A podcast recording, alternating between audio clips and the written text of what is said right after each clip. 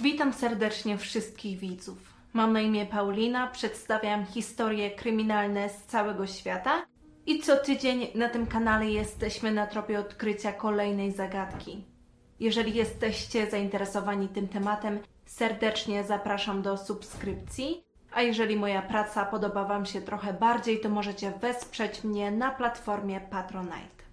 W dzisiejszym odcinku posłuchacie o historii kobiety, która w mediach społecznościowych uchodziła za kochającą matkę, a poza nimi była osobą, której obawiają się wszyscy rodzice. Zaczynając poszukiwania w tej sprawie, nie miałam pojęcia, że w pewnym momencie uznam ją za jedną z najbardziej poruszających, jakie kiedykolwiek miałam okazję przedstawić. Historię podzieliłam na dwie części ze względu na jej długość i kompleksowość. Otwieramy akta sprawy Lacey Spears.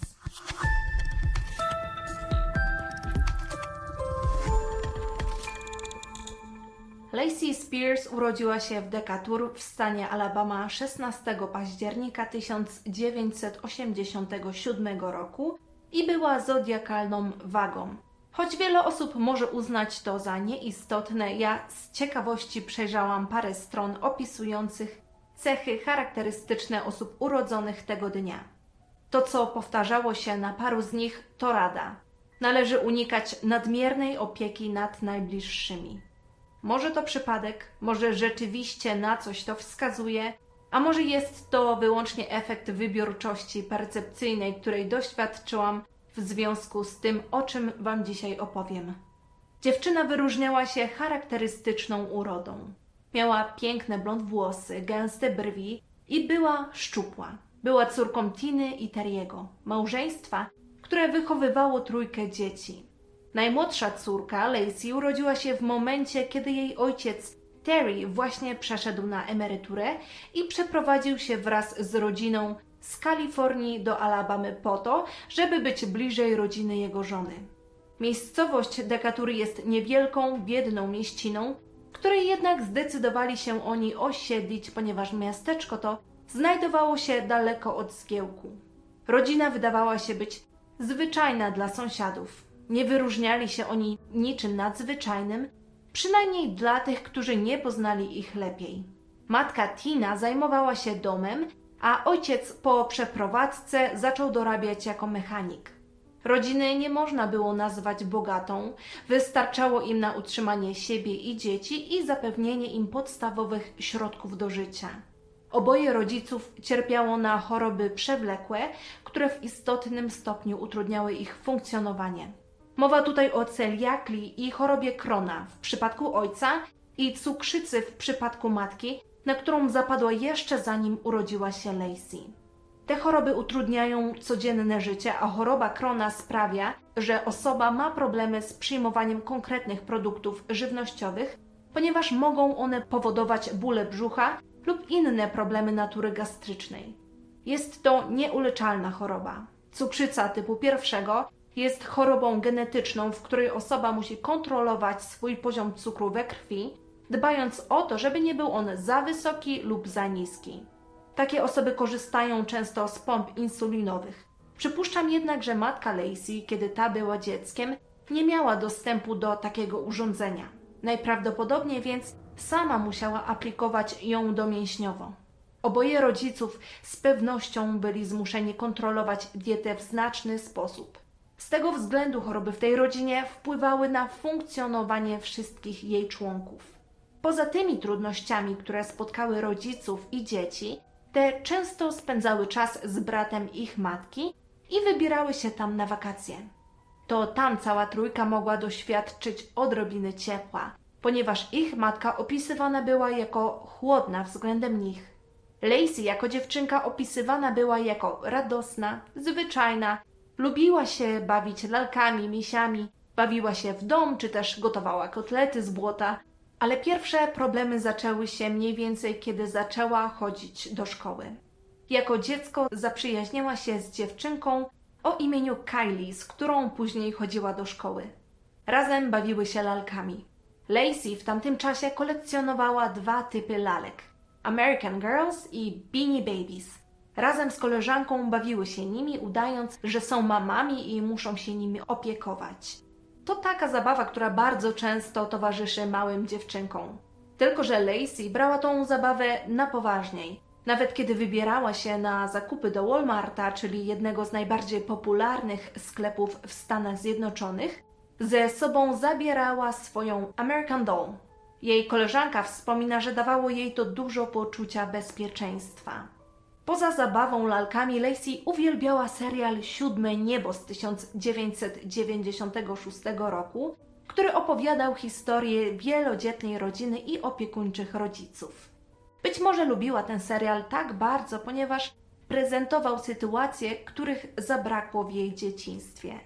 Ale Lacey oprócz oglądania telewizji spędzała dużo czasu z koleżanką, szczególnie w jej domu. Nocowała u Kylie, jeździła u niej na koniach, ale pomimo, że bardzo lubiła swoją przyjaciółkę i jej rodzinę, matka Kylie nie pałała największą sympatią względem rodziców Lacey. Dlatego też nie pozwalała córce bawić się w domu rodziny ale w końcu dziewczyny wyprosiły jej mamę, żeby ta pozwoliła im pobawić się u nich chociaż raz. Tam dziewczynki ponownie bawiły się lalkami, ale w trakcie zabawy bez żadnego zrozumiałego powodu, przynajmniej dla małej Kylie, Lacey na nią naskoczyła i zaczęła dusić. Doszło do tego, że Kylie miała siniaki już po odebraniu ją przez mamę. Od tego momentu kontakt się urwał i rodzice Kylie zabronili rozmawiać z jej agresywną koleżanką. Lacey ze względu na swoją osobowość i trudności z tworzeniem relacji miała trudności z zakolegowaniem się z kimś do trzeciej klasy podstawówki. Dopiero wtedy poznała Jessikę, dziewczynkę, która stała się jej przyjaciółką na dobre i złe. Jessica opisywała koleżankę jako radosną, otwartą, ale w ich znajomości zaczęło się coś zmieniać w siódmej klasie. Od momentu, kiedy któregoś dnia Lacey pojawiła się wieczorem w domu Jessiki i zwierzyła się, że została zaatakowana przez jednego z członków rodziny. Rozmowę tą usłyszała matka koleżanki, Liza, która po krótkiej rozmowie z Lacey skontaktowała się z policją, informując ich o tym szokującym zajściu. Ale pomimo tego telefonu żadne działania w związku z tą sytuacją nie zostały podjęte. Dlaczego nikt nawet nie zapukał do drzwi Spearsów?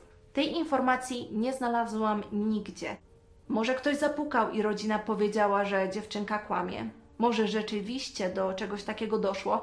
W związku z tym Liza, matka Jessiki, zdecydowała, że Lacey zostanie na jakiś czas u nich w domu. Jessica w tamtym czasie nie za bardzo rozumiała, dlaczego jej przyjaciółka mieszka razem z nią, ale obie dziewczyny bardzo się cieszyły, że mogą ze sobą spędzać każdą wolną chwilę. Tylko, że parę dni po tym, jak Lacey wprowadziła się do domu przyjaciółki, jej mamę zaczęła nazywać swoją mamą. Kobieta czuła się niekomfortowo i niedługo później odesłała Lacey z powrotem do domu. Lacey otrzymała numer telefonu, z którego mogła korzystać w razie gdyby doświadczyła jakichś problemów. Był to numer kontaktowy na zieloną linię, z którego nastolatka korzystała niejednokrotnie. Dziewczyna była już w gimnazjum, middle school i wtedy też zapisała się na zajęcia ze softballu.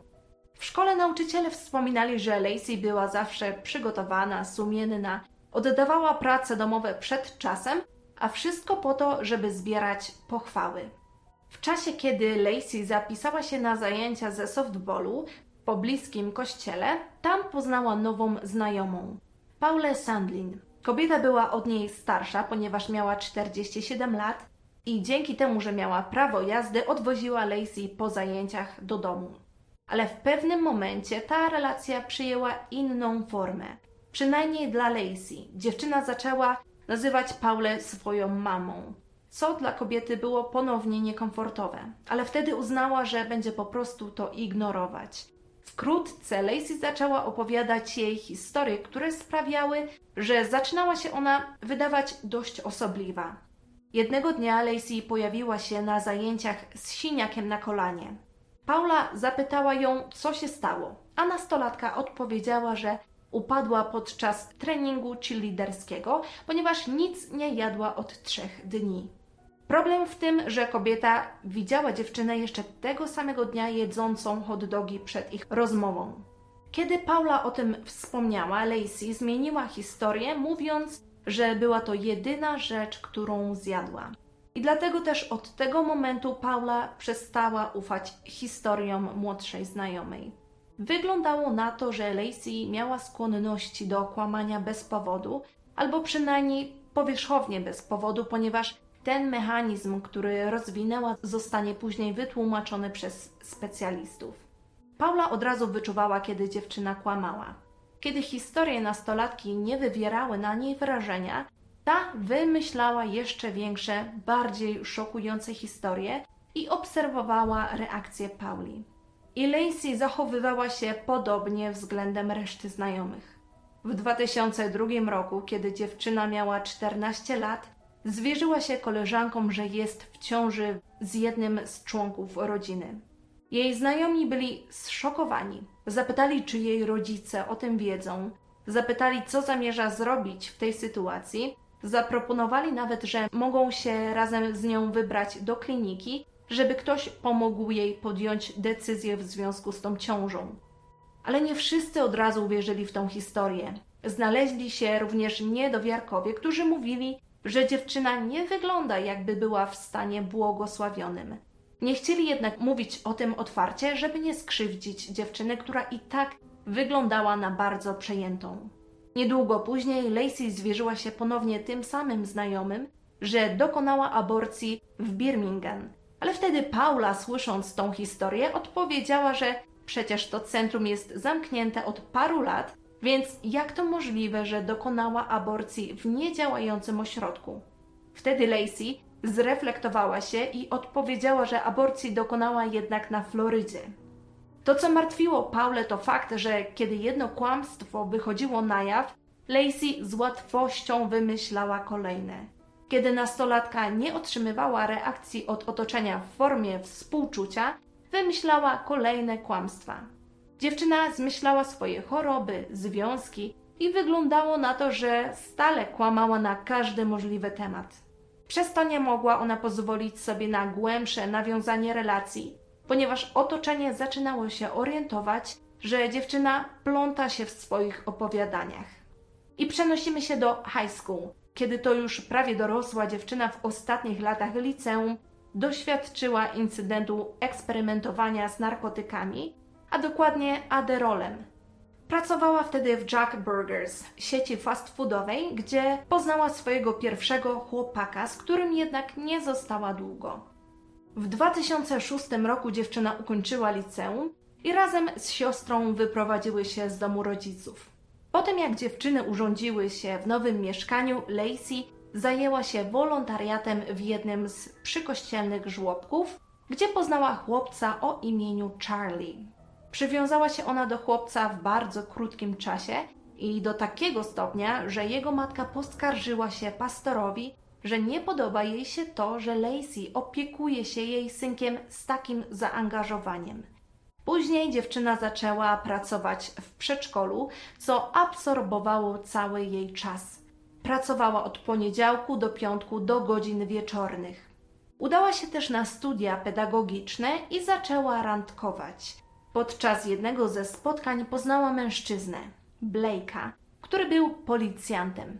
Spotkali się oni parę razy i Lacey chciała, żeby między nimi doszło do czegoś więcej, ale Blake odmówił. Niedługo potem, kiedy wybrali się do supermarketu, kobieta publicznie zakończyła ich związek, wykrzykując, że z nimi koniec. Po tym rozstaniu Lacey czuła się samotna, ale udało się jej poznać kobietę o imieniu Christy, i dwie inne jej koleżanki. Wszystkie trzy dziewczyny były w młodym wieku, ale miały już swoje maluchy. Christy pomyślała, że skoro Lacey tak bardzo lubi zajmować się dziećmi, może chciałaby zająć się jej synem. I Lacey, która pragnęła się z kimś zaprzyjaźnić w tamtym momencie, chętnie zaczęła się za darmo zajmować jej synem. Doszło do tego, że kupiła za swoje pieniądze łóżeczko dla chłopca. Wyglądało na to, że ten układ odpowiadał obu stronom. Ale odkąd Lacey zaczęła zajmować się chłopcem, ten zaczął rozwijać infekcję uszu. Dziwnym trafem wszystko uspokajało się, jak tylko dziecko wracało do domu. Wtedy Christy nie połączyła tych dwóch faktów. tego, że jej syn rozwijał infekcję, kiedy tylko spędzał więcej czasu z Lacey. Ze względu na tę infekcję odwiedził on paru lekarzy, ale każdy z nich nie potrafił wytłumaczyć, co było powodem tych nawracających problemów w obrębie jego uszu. Pewnego dnia Lacey zajmowała się chłopcem i miała go oddać Christie, ale Lacey nie pojawiła się w jej domu o umówionej godzinie. Matka chłopca dzwoniła do koleżanki wielokrotnie, ale ta nie odbierała. Zaczęła ona panikować i zadzwoniła do ich wspólnej znajomej, żeby zapytać, czy nie wie być może, gdzie znajduje się Lacey, ale ona niestety nic nie wiedziała na ten temat. Dopiero następnego dnia kobieta znalazła dziecko wraz z jego opiekunką w przedszkolu. Rozgoryczona Christie zabrała swoje niemowlę i powiedziała Lacey, że ta nigdy więcej już nie zajmie się jej dzieckiem i że nie chce mieć z nią nic wspólnego. Lacey zaczęła płakać i błagać, żeby ta nie zabierała Camerona od niej, ale nieugięta Christie już więcej nie odezwała się do nieodpowiedzialnej koleżanki. Lacey po tym incydencie była zasmucona, ale ponownie nie minęło dużo czasu, zanim zawiesiła oko na kolejnej mamie i dziecku. Lacey poznała samotną matkę i jej syna Johna. Nowa znajoma była pod wrażeniem, ponieważ kiedy odwiedziła Lacey, zobaczyła, że jej dom dosłownie wypełniony jest zabawkami dla dzieci po brzegi, tak jakby to jej dom był przedszkolem. Oprócz tego, że chłopiec mógł bawić się zabawkami z domu Lacey, to kupowała ona mu dodatkowe klocki, misie, ciuchcie, które mógł zabrać ze sobą. Kobiety bardzo się zaprzyjaźniły, a Lacey znów wytworzyła silną więź z John Johnem, tak ona go właśnie nazywała. Lacey zabierała go do sklepów, wychodziła z nim na spacery. Chłopiec zostawał z nią na noc w niedzielę i dni, kiedy jego matka była poza miastem. Niedługo później Lacey zaczęła udawać w mediach społecznościowych, że John John był jej dzieckiem. Zdjęcia były zrobione w taki sposób, jakby John John rzeczywiście był jej synem. W tamtym czasie Lacey twierdziła, że była w ciąży i na tych zdjęciach chłopiec na przykład całował jej brzuch. Lacey na Facebooku nie miała w gronie znajomych matki Johna, więc przez długi czas nie wiedziała ona o tym, że Lacey dodaje takie zdjęcia. Wreszcie ktoś ze wspólnych przyjaciół poinformował ją o tym, że Lacey dodaje podejrzane posty, w których można zobaczyć jej syna. Kobieta pomimo tego zastanawiającego odkrycia uznała, że wygodniej będzie mieć darmową opiekę, oczywiście kosztem bezpieczeństwa swojego syna. Kobieta dziwiła się, dlaczego Lacey miała tyle zabawek, ponieważ nie miała ona ani zbyt wysokich dochodów, ani własnych dzieci. Dopiero lata później okazało się, że Lacey już wtedy korzystała z pomocy dla samotnych matek. Przez ten długi czas, kiedy Lacey opiekowała się chłopcem, doświadczył on 21 infekcji ucha. Rodzina nie wiedziała, z czego to wynika. Dopiero po latach, kiedy połączyli różne fakty, zrozumieli, co było powodem tych chorób. Pod koniec 2007 roku kobieta poznała kolejną kobietę o imieniu Shannon. Miała ona dwóch synów. Jeden miał roczek, a drugi pięć lat. Oboje chłopców uczęszczało do przedszkola, w którym pracowała Lacey. Shannon myślała, że John John był synem Lacey, ponieważ spędzała ona z nim bardzo dużo czasu w przedszkolu. Nie wiedziała, czy jest to jej syn, po prostu na to to wyglądało. I jej pięcioletni syn, po tym jak zakolegował się z Jonathanem w przedszkolu, w którym pracowała Lacey, poprosił swoją mamę, żeby ta pozwoliła mu zostać na noc u Jonathana. Jego matka zdążyła już poznać i zaufać Lacey, dlatego zgodziła się na ten pomysł. I chłopcu tak bardzo się spodobało, że został on razem z Lacey na cały weekend. Potem nocował u opiekunki w każdy weekend. Kobiety bardzo się zaprzyjaźniły. Nawet do tego stopnia, że Lacey miała klucz do mieszkania Shannon. Ale rodzina Shannon nie do końca była pewna tego, jakie są prawdziwe motywy Lacey. W ostatnim czasie często opowiadała o swoich problemach, których doświadczyła w dzieciństwie i powiedziała, że te nadużycia znów się nasiliły, odkąd jej chłopak Blake zmarł w wypadku samochodowym. Nie wiem, czy pamiętacie Blake'a, chłopaka, z którym Lacey się rozstała, ponieważ ten nie chciał spędzić z nią nocy. Jej przyjaciółka nie miała powodu, żeby stawiać pod znakiem zapytania jej historię, ale uznała to za dość dziwne, że para nie miała żadnych wspólnych zdjęć. Skoro jak sama Lacey wspomniała, znali się od liceum. Lacey powiedziała, że ojcem dziecka, ponieważ jak sama twierdziła, była w ciąży, jest jeden z członków rodziny. Ale pomimo tego wydawało się, że cieszy się z tej ciąży. Tylko, że ich relacja zaczęła się rozluźniać. Przede wszystkim za sprawą matki i męża Shannon. Oboje byli wyjątkowo podejrzliwi względem Lacey. Ze względu na nacisk ze strony jej rodziny, Shannon zakomunikowała, że kobiety nie będą mogły się już dłużej spotykać i że Lacey nie może zajmować się jej dziećmi. Wtedy koleżanka wpadła w szał i zaczęła obrażać Shannon. Od tego momentu ich znajomość się zakończyła. Po ich kłótni Lacey wybrała się na wakacje do Clearwater i kiedy wróciła z wycieczki, twierdziła, że nie była już w ciąży. Ale z niewytłumaczonych powodów kupiła łóżeczko dziecięce i chciała ustawić je w mieszkaniu. Ponieważ złożenie tego łóżeczka było według niej skomplikowane, poprosiła o pomoc sąsiada o imieniu Chris. Jeszcze tego samego wieczoru doszło do zbliżenia tej dwójki. Chris zainteresował się Lacey bardziej niż ona nim, ponieważ zaczął zapraszać ją do swojego mieszkania. Przygotowywał dla niej posiłki, oglądali razem filmy, próbował zabrać ją na prawdziwe randki, jednak kobieta zawsze odmawiała. Chris powtarzał, że była ona chłodna względem niego i że wyglądała na niezainteresowaną jego osobą. Pomimo tego niezainteresowania, kobieta już parę miesięcy później zaszła w ciążę. Chociaż była to nieplanowana ciąża, to nie można tego wykluczyć, że kobieta zaplanowała ją wykorzystując do tego pierwszego mężczyznę, który pojawi się na jej drodze. Ten pomysł w świetle późniejszych wydarzeń może nabrać trochę więcej sensu. Kobieta wspomniała swojej znajomej o Chrisie tylko raz, opisując go jako łysego kolesia, który mieszkał pod nią. Niedługo później Chris oświadczył się dziewczynie, która po przemyśleniu zgodziła się zostać jego żoną. Mężczyzna miał już jedno dziecko z poprzedniego małżeństwa i pomyślał, że będzie to świetna okazja, żeby przekazać jego pierwszego syna Lacey, ponieważ jej wielką pasją jest opieka nad dziećmi. Ale Lacey zareagowała zupełnie inaczej. Nie spodziewał się tego jej partner. Nie była zainteresowana chłopcem, kiedy ten był z nią w mieszkaniu. Kobieta udawała, że w ogóle nie istniał. Wracając do jej ciąży, ciąża rozwijała się zdrowo.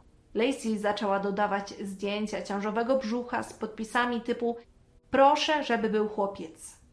I wtedy wykonała pierwsze USG, które określało płeć. W rzeczy samej był to chłopczyk. Lacey była szalenie podekscytowana tym faktem, ale z upływem czasu i rozwojem ciąży Lacey coraz bardziej oddalała się od Chrisa. Podczas jednej z ich rozmów kobieta powiedziała, że chce, żeby jej syn miał na imię Garnet, ale Chris nie za bardzo był przekonany co do tego wyboru i zaproponował Kajetan. Od tego momentu ich związek stał się oziębły i dziewczyna zakończyła ich związek w nadchodzących dniach. Lacey powiedziała, że nie chce, żeby on był w jej otoczeniu i że to nie on jest ojcem tego dziecka. Garnett urodził się 3 grudnia 2008 roku. Wtedy Chris nie dostał pozwolenia na uczestniczenie przy narodzinach chłopca. Lacey i jej nowonarodzony syn opuścili szpital po dwóch dniach. Ale nie minęło dużo czasu, zanim Garnett pojawił się w ośrodku ponownie. Lacey zabrała go z powrotem dwa dni później, mówiąc, że miał on wysoką gorączkę. Według niej ciągnął swoje uszy i obawiała się, że niemowlę miało zapalenie ale pediatra zapewnił, że wszystko jest w porządku i że mogła udać się do domu. Pierwszy tydzień po narodzinach Garneta był trudny dla Chrisa. Codziennie słyszał płacz jego syna w mieszkaniu nad nim.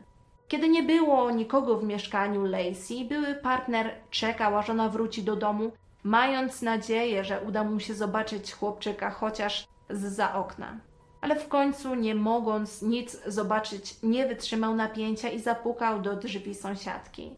Ale Lacey powiedziała, że jeżeli nie zostawi jej w spokoju, to zgłosi go na policję w związku z prześladowaniem. Chris musiał opiekować się swoim pierwszym synem, dlatego też nie chciał ryzykować wdawania się w problemy z prawem. I pomimo tego, że chciał poznać Garneta i pomimo tego, że mieszkał pod mieszkaniem Lacey, nigdy nie zdołał go poznać. Matka Garneta w tym czasie rozkwitała. Robiła mu mnóstwo zdjęć, dodawała je na profile społecznościowe. W tym czasie opiekowała się też John Johnem, więc robiła ich wspólne zdjęcia, nazywając ich nawet braćmi. Ale zainteresowanie kobietą i zachwyt Garnetem zaczął bladnąć i mniej więcej w tym czasie, tuż przed świętami Bożego Narodzenia, Lacey ponownie zabrała chłopca na pogotowie.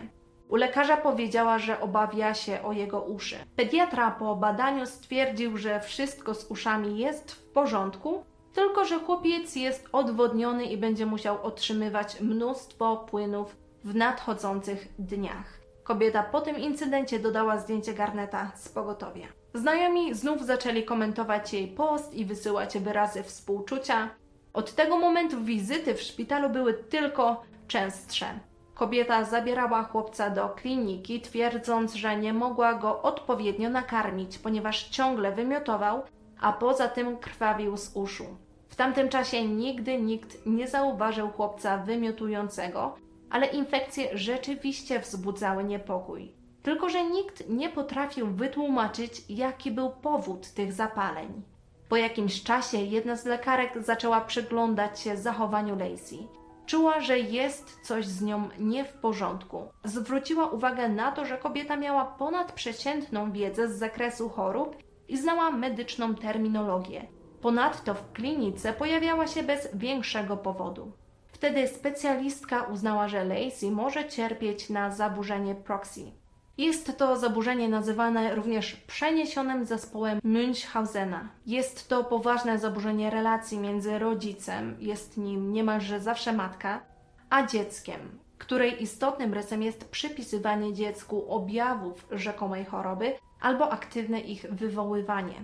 Z pewnością zaburzenie to może mieć swoje łagodniejsze formy, ale cięższe przypadki przeniesionego zespołu Münchhausena są groźną, a nawet potencjalnie śmiertelną formą maltretowania dzieci. Istnieje również podobne zaburzenie, które jest podwaliną do tego, o którym wspomniałam i nazywa się zespół Münchhausena i dotyczy osób, które pozorują swoje choroby.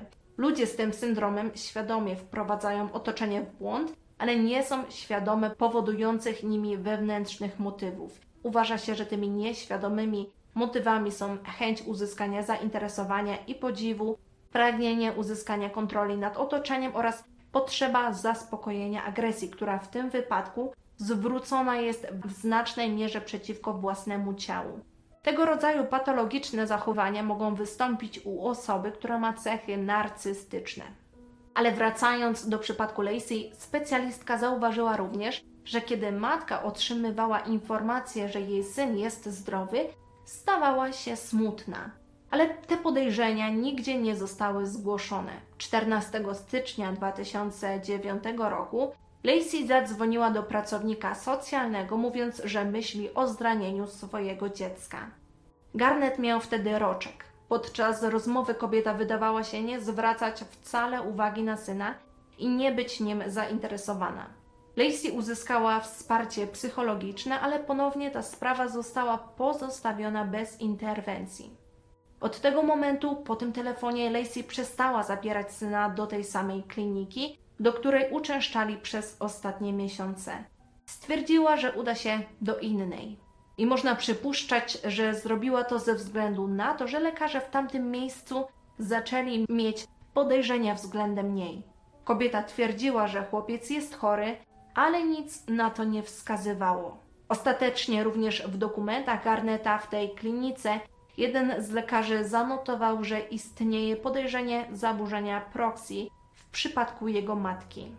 Kiedy Lacey udała się do nowego szpitala, tam lekarze nie wiedzieli o podejrzeniach względem niej, ponieważ dokumenty z pierwszej kliniki nie zostały przesłane do tej drugiej. Dlatego tam Lacey przekonała pracowników o tym, że chłopiec ma problemy z jedzeniem i zaczęto leczyć chłopca na reflux. W tamtym czasie jeden z lekarzy, dr Randall McLowen, zdiagnozował dodatkowo problem ze wzrostem u chłopca. W ten sposób doszedł on do wniosku, że chłopiec może przejść operację sugerowaną wcześniej przez jego matkę. Była to operacja, w której żołądek Garneta miał zostać zszyty w jego górnej części, żeby chłopiec już nigdy nie mógł zwymiotować. Wykonano zabieg i rokowania były znakomite. Chłopiec opuścił klinikę. Tylko, że trzy dni później Lacey wróciła z chłopcem w to samo miejsce, skarżąc się, że jej syn nie je ani z butelki, ani nie chce być karmiony piersią. Spears w związku z tym została wysłana do jeszcze innego, trzeciego szpitala.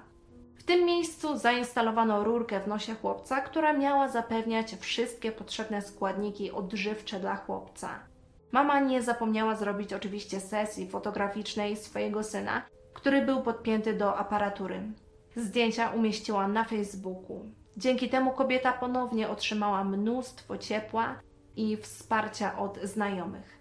Ale parę dni po tej wizycie w szpitalu, według matki, nic się nie zmieniło. Lacey znów udała się do szpitala, mówiąc, że chłopiec nadal nie je. Wtedy pani doktor chciała zobaczyć sama, na czym polega problem. Podała chłopcu butelkę, który bez zawahania zaczął z niej pić. Lacey nie wiedziała, jak wytłumaczyć tą sytuację, ale czekano jeszcze, aż chłopiec strawi posiłek. Niedługo później, będąc w gabinecie specjalistki, chłopiec zaczął się źle czuć. Po jego przebadaniu okazało się, że miał on poważnie podwyższony poziom sodu, co trudno było zrozumieć z medycznego punktu widzenia. Lacey wtrąciła niby mimochodem, że pożywienie z butelki, które otrzymał chłopiec, było nieodpowiednie i dlatego tak zareagował. Garnet zaczął się źle czuć, nawet do tego stopnia, że doszło do ataku epileptycznego. Poziom sodu był tak wysoki, że mógł być śmiertelny. Chłopiec był w szoku, tak samo jak lekarze, którzy nie rozumieli powodu tego zjawiska. Garnet był zupełnie odwodniony. Wszyscy obawiali się, jak ten incydent wpłynie na jego mózg. Tego dnia chłopiec został na sali szpitalnej, ale na szczęście już kolejnego ranka w jego organizmie poziom tego związku spadł na tyle, że Garnet był w stanie oddychać samodzielnie. Kolejne 11 dni spędził on już nie na intensywnej terapii, a w normalnym bloku razem z innymi chorymi dziećmi. Kolejny lekarz, który znajdował się w szpitalu, poinformował Lacey, że będzie obserwować sposób, w jaki Garnet przyjmuje pokarmy i szybko okazało się, że nie miał on żadnych problemów z jedzeniem. Nie było nic, co mogłoby wskazywać na jakiekolwiek upośledzenie w tej kwestii. W szpitalu przeprowadzono mnóstwo testów w celu określenia powodu tego nagłego wzrostu sodu w jego organizmie, ale testy nie pokazały nic, co mogłoby wytłumaczyć to zajście. Wyglądało na to, że chłopiec był zdrowy. Szpital zaczął podejrzewać jego matkę, że to przez nią wpadł on w ten krytyczny stan. Kobietę odseparowano od Garneta na cztery dni. Kiedy Lacey została zapytana przez pediatrę, czym karmiła chłopca, odpowiedziała, że wodą, mlekiem i elektrolitami o nazwie Pedialyte, które zostały przepisane przez jej lekarza. Według niego żaden lekarz nie przepisałby takiej mieszanki, ponieważ prowadziłaby ona do niedożywienia chłopca. Pediatra uznał, że kobieta kłamała, ale w tamtej chwili ponownie żadne kroki, które miałyby na celu ochronę chłopca, nie zostały podjęte.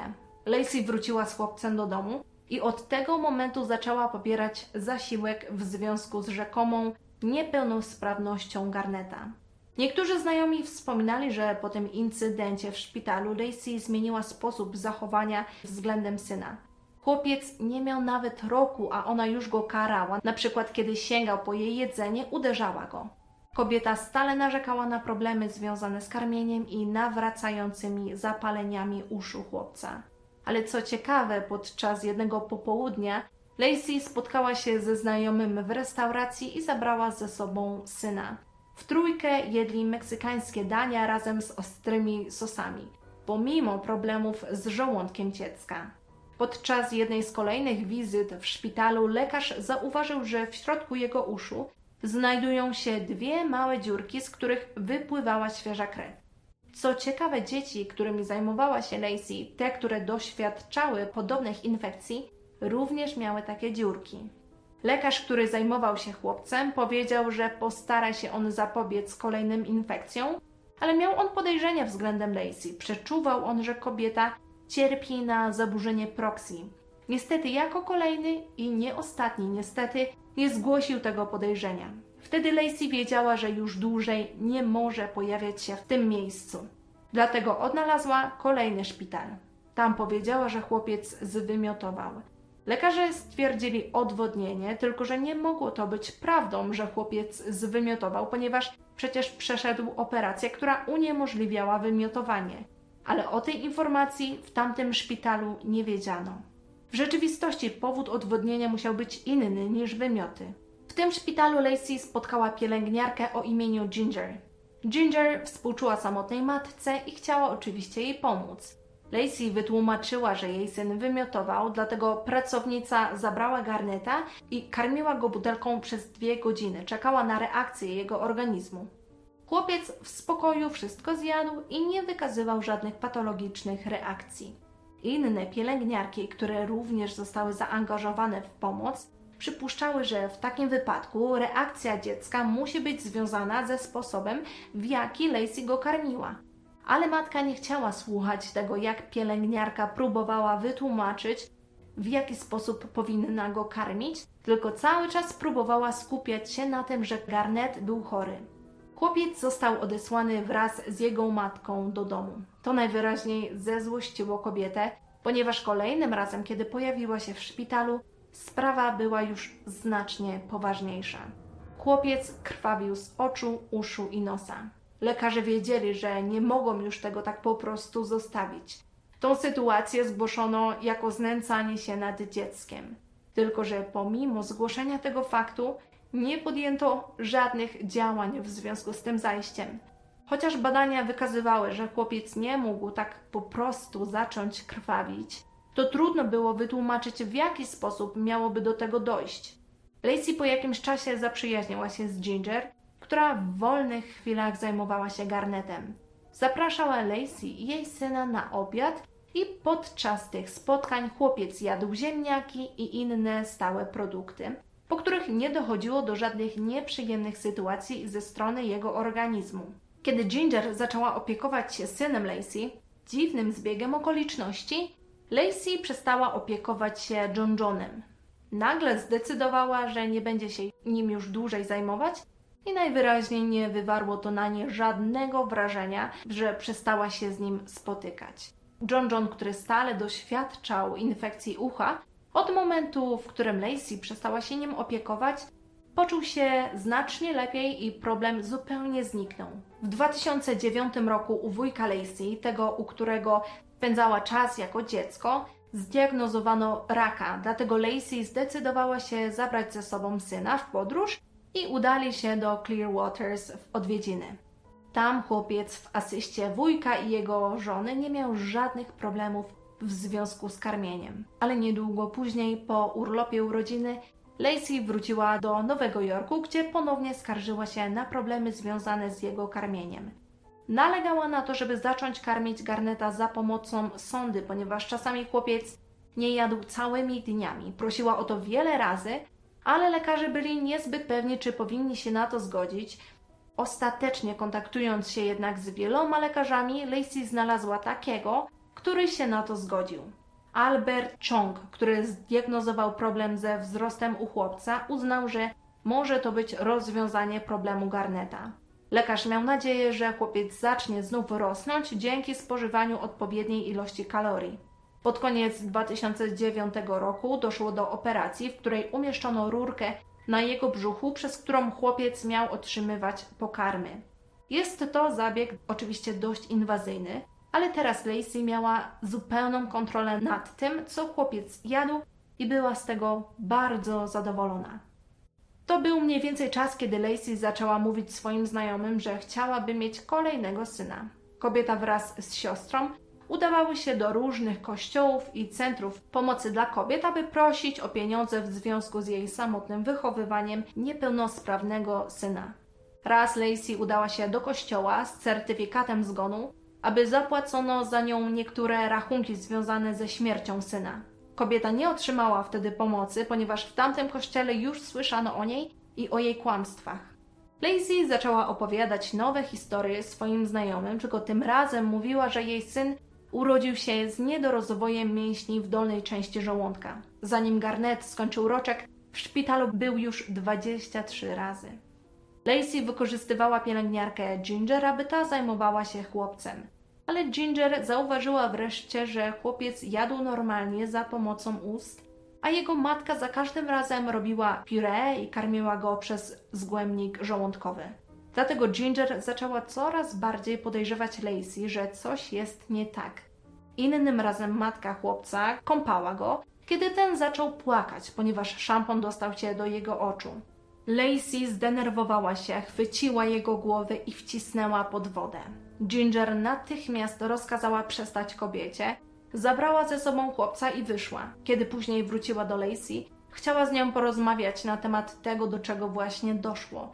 Lacey powiedziała, że ma dość zajmowania się chłopcem z problemami. I po tej sytuacji, pomimo że była ona najbardziej czerwoną flagą, jaką można sobie wyobrazić, Lacey ponownie zabrała syna do Clearwater.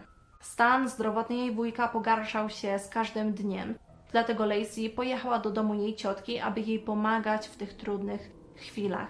Ale dni zaczęły przeradzać się w miesiące i Lacey poznała sąsiadkę, która niedługo później podwoziła Lacey wraz z Garnetem do pobliskiego szpitala. Wyglądało na to, że Lacey nie chciała wracać do Nowego Jorku, ponieważ pojawiło się zbyt dużo podejrzeń względem niej, szczególnie po tej ostatniej sytuacji z kąpielą jej syna. Garnet często spędzał czas u sąsiadki o imieniu Kim, bawił się z jej wnukami i kobieta zawsze dawała mu normalne jedzenie, cukierki, smażone jaja, a chłopiec nigdy nie miał problemu z ich jedzeniem. Dopiero później Kim dowiedziała się, że chłopiec miał założoną sondę, przez którą w domu dostawał jedzenie – ale kobieta nie wspomniała nic na ten temat Lacey, ponieważ uznała, że nie jest to jej sprawa i nie będzie rozmawiała po prostu o chorobach Garneta. Pewnego dnia Lacey poszła zapytać Kim, czy może skorzystać z jej laptopa, ponieważ jej ciotka nie ma dostępu do technologii. Sąsiadka zgodziła się, ale Lacey zdecydowała się skorzystać z jej dobroci odrobinę bardziej. Od tego momentu przychodziła codziennie. Codziennie korzystała z laptopa nawet parę godzin. Siadała na schodach przed domem, przed którym bawił się również Garnet. Wieczorami kobiety ze sobą rozmawiały i Lacey opowiadała Kim, że była ona wielokrotnie atakowana w swoim życiu przez członków rodziny i jej byłego partnera, który dzwoni do niej do dziś. Sąsiadka zaproponowała, żeby Lacey zmieniła numer telefonu, ale Spears powiedziała, że nie może, ponieważ jest podłączona do planu rodzinnego tak jakby to był wystarczający powód dorosłej kobiety, żeby być prześladowana w imię korzystania z telefonicznego planu rodzinnego. Ale Kim była w podeszłym wieku i najwyraźniej stała się bardziej bezbronna, nie zauważając kłamstw koleżanki. Lacey niedługo później wspomniała, że mężczyzna będzie przez nadchodzące dni na Florydzie i przyznała się, że jest w ciąży z członkiem rodziny. Sąsiadka bardzo jej współczuła i powiedziała, że zapłaci za jej aborcję. Lacey po jakimś czasie zaczęła robić wszystko to, co jej sąsiadka, i to nie umknęło jej uwadze. Dziewczyna nawet obcięła włosy tak samo jak jej koleżanka, na krótko. W tamtym czasie wujek Lacey był już w stanie bardzo złym, dlatego wrócił do domu, żeby spędzić swoje ostatnie dni w zaciszu, i wtedy sąsiadka zaoferowała swoją pomoc u Spearsów. Podczas przygotowywania domu na przyjazd wujka, Kim wygadała się o sytuacji z aborcją. Kiedy usłyszała to, ciotka Peggy powiedziała, że Lacey ma problemy z mówieniem prawdy. Więc członkowie jej rodziny zdecydowanie zdawali sobie sprawę z tego, że Lacey wymyślała różne historie. Kim poczuła się oszukana, nie chciała już dłużej mieć nic wspólnego z Lacey, więc kobieta straciła kolejną osobę, z którą mogła rozmawiać kolejnych dniach mąż ciotki Peggy zmarł, a Lacey wróciła do swojego mieszkania w Nowym Jorku. Ale tak naprawdę tylko po to, żeby się spakować i na dobre przeprowadzić się do Clearwater. Lacey niedługo po powrocie zaczęła pakować rzeczy Garneta i swoje. Kobieta w ciągu tamtych dni napisała post na Facebooku sugerujący, że chce się zabić, że jej życie kontrolowane jest przez jedną osobę i że żyje ona tylko dla swojego syna i ciotki. Chris zorientował się, że partnerka wynosi się z mieszkania, ponieważ pakowała swoje przedmioty i wystawiała pudła na zewnątrz, dlatego też chciał jeszcze raz spróbować zobaczyć swojego syna. Znów niestety bezskutecznie, ponieważ Lacey zagroziła mu, że zadzwoni na policję. Chris wtedy zrezygnował. Nie miał po prostu pieniędzy, żeby walczyć w sądzie o widywanie się z synem. Po śmierci wujka Lacey zostały pieniądze dla jego żony Peggy i Lacey. Dlatego młoda matka kupiła sobie nowe auto i razem z ciocią przebudowały ganek na pokój dla Garneta. Chłopiec miał już dwa lata i chętnie bawił się traktorami, ciuchciami, był pełen energii. Lacey wreszcie kupiła swój osobisty laptop dzięki pieniądzom zostawionym przez wujka. Wtedy kobieta poważniej zajęła się opisywaniem swojego życia w mediach społecznościowych. Stworzyła parę profili i zapraszała do nich różne osoby w zależności od tego, jakie historie im przedstawiała. Niedługo po przeprowadzce Lacey znów zaczęła się skarżyć, że chłopiec nie chce jeść. Zabierała go do pediatrów, lekarzy od uszu, nosa i żołądka. Poza odwiedzaniem lekarzy wydawała spore sumy ze spadku wujka. Jeździła z synem na wycieczki, codziennie jedli w miejscowej restauracji. Opowiadała znajomym, że chłopiec był bardzo chory, a z drugiej strony codziennie zabierała go na plażę. Kobieta najwyraźniej czuła się znacznie lepiej na Florydzie, bo zaczęła uczęszczać na spotkania parentingowe, gdzie poznała mnóstwo innych mam. Zwierzała im się ze swoich problemów i opowiadała historie związane z wychowaniem niepełnosprawnego syna. Kobieta odnalazła kolejnego lekarza, który nazywał się Holly Johentgen. Praktykował on medycynę orientalną. W jego ośrodku Lacey poznała inną pracownicę o imieniu Mika. Mika poleciła Lacey, żeby ta zaczęła karmić syna tylko produktami pochodzenia roślinnego. I od tego momentu Lacey zupełnie przestała wierzyć w działania antybiotyków i aby podzielić się jej przemyśleniami, napisała post. Jestem mamą, która po tygodniu stosowania diety roślinnej widzi jej niesamowite efekty i teraz mam wystarczający dowód, którego potrzebuję. Chodziło jej o to, że dietą może zmienić zdrowie garneta. Chłopiec cały czas miał problem z uszami i holistyczny lekarz próbował leczyć te zapalenia, jednak bezskutecznie. Jednak Lacey przedstawiała jego starania w zupełnie inny sposób. Pisała, że leczenie przynosi wyjątkowo pozytywne efekty. W maju 2011 roku, pomimo nowego podejścia do zdrowia chłopca, Lacey zabrała go do dr Lenski, która przepisała krople mające wyleczyć zapalenie ale jego matka nie zamierzała podawać tych leków synowi, o czym napisała na swoim Facebooku.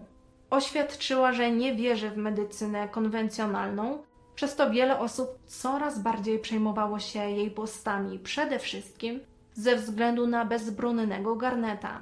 Ktoś po jednym z takich postów zdecydował się zadzwonić do Departamentu Dzieci i Rodziny, gdzie wszczęto dochodzenie względem Lacey w czerwcu 2011 roku.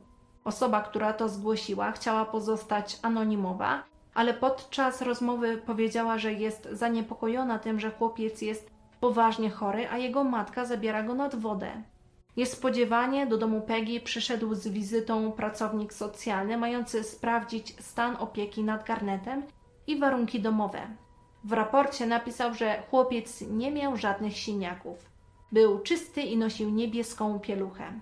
Lacey w tamtej chwili była poza domem, ale Peggy zadzwoniła do niej i powiedziała, żeby jak najszybciej wróciła do mieszkania, ponieważ przyszedł pracownik socjalny w związku z jej postami w sieci.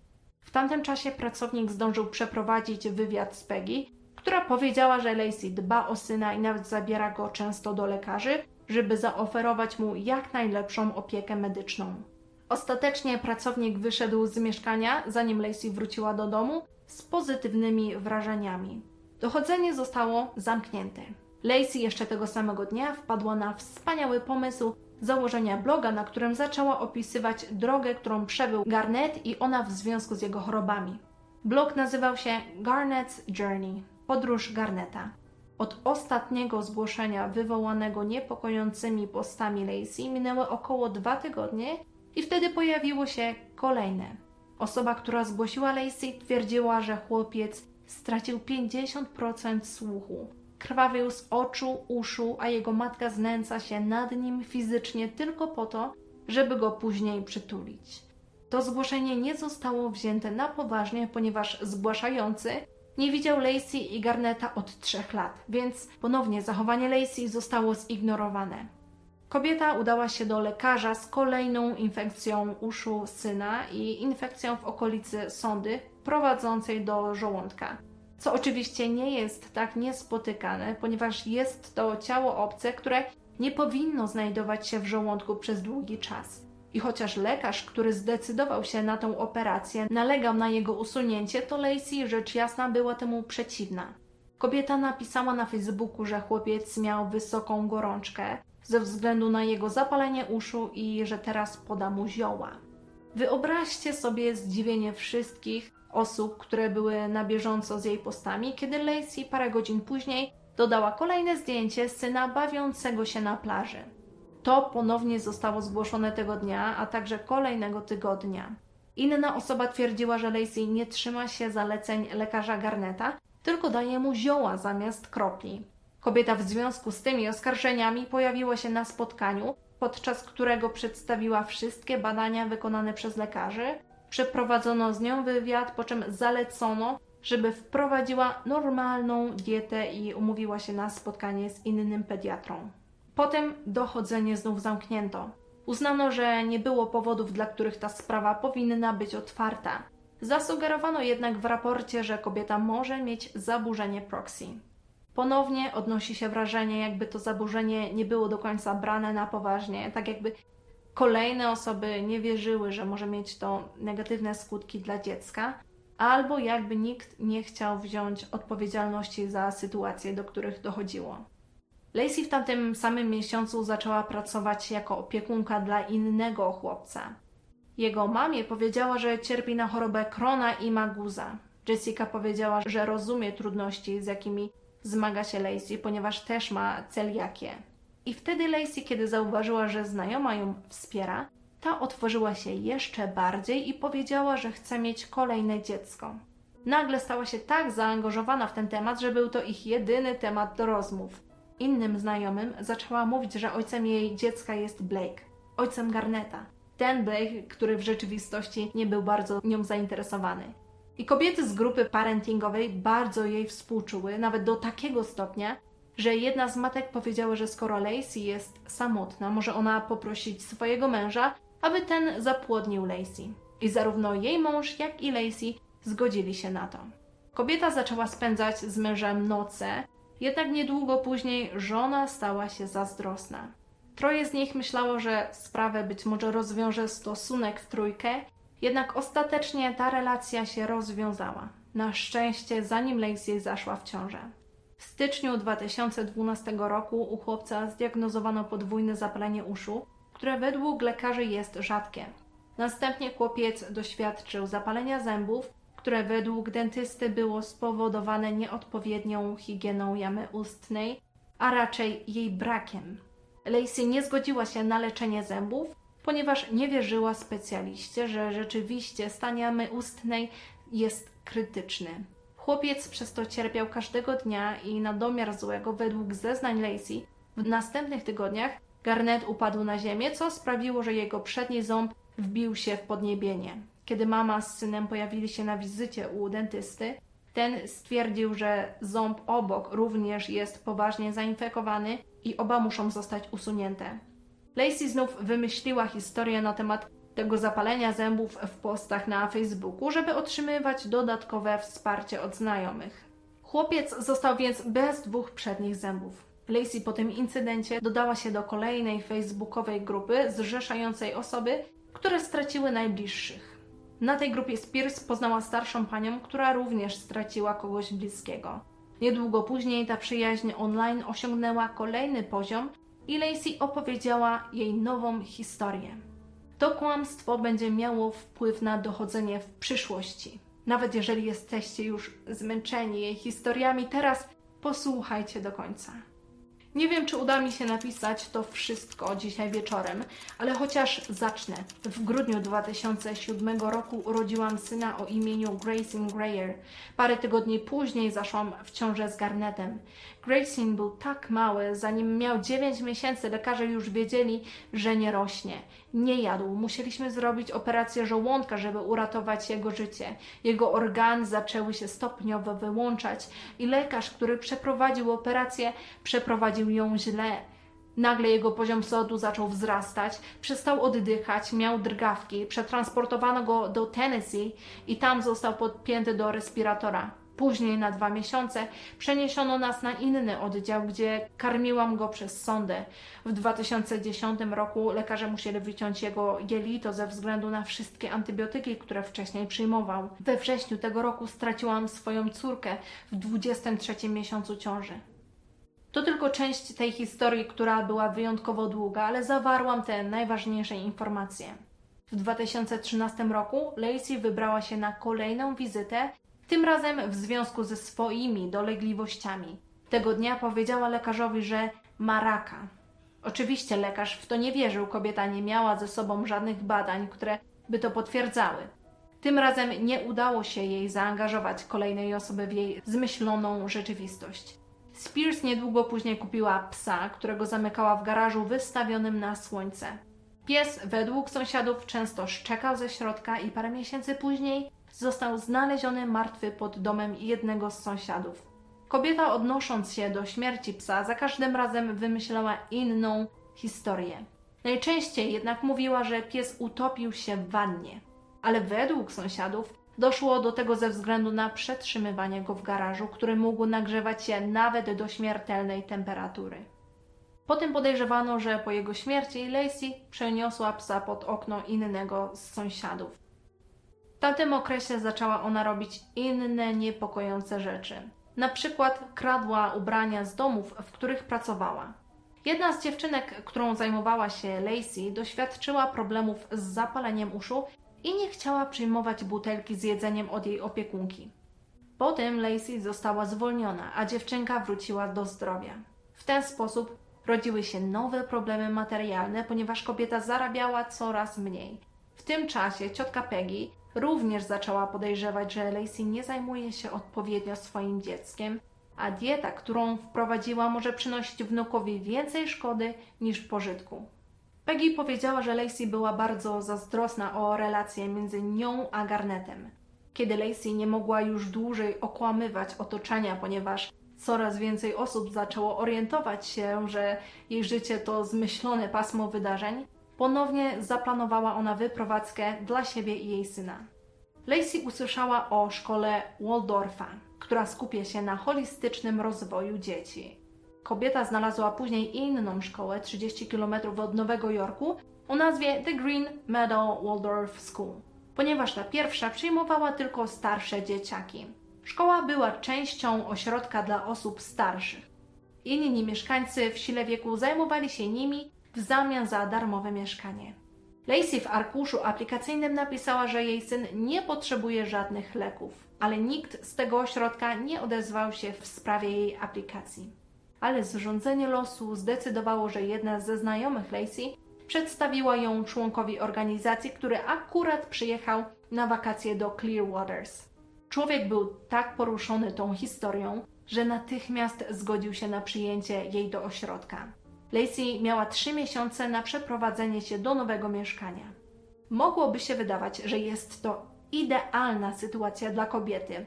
Wreszcie nie musiałaby się obawiać o kwestię finansową, jej syn chodziłby do dobrej szkoły, ale ta nagle zaczęła pisać poruszające posty o jej złym samopoczuciu. W związku z tymi postami kobieta doczekała się otwarcia kolejnego dochodzenia.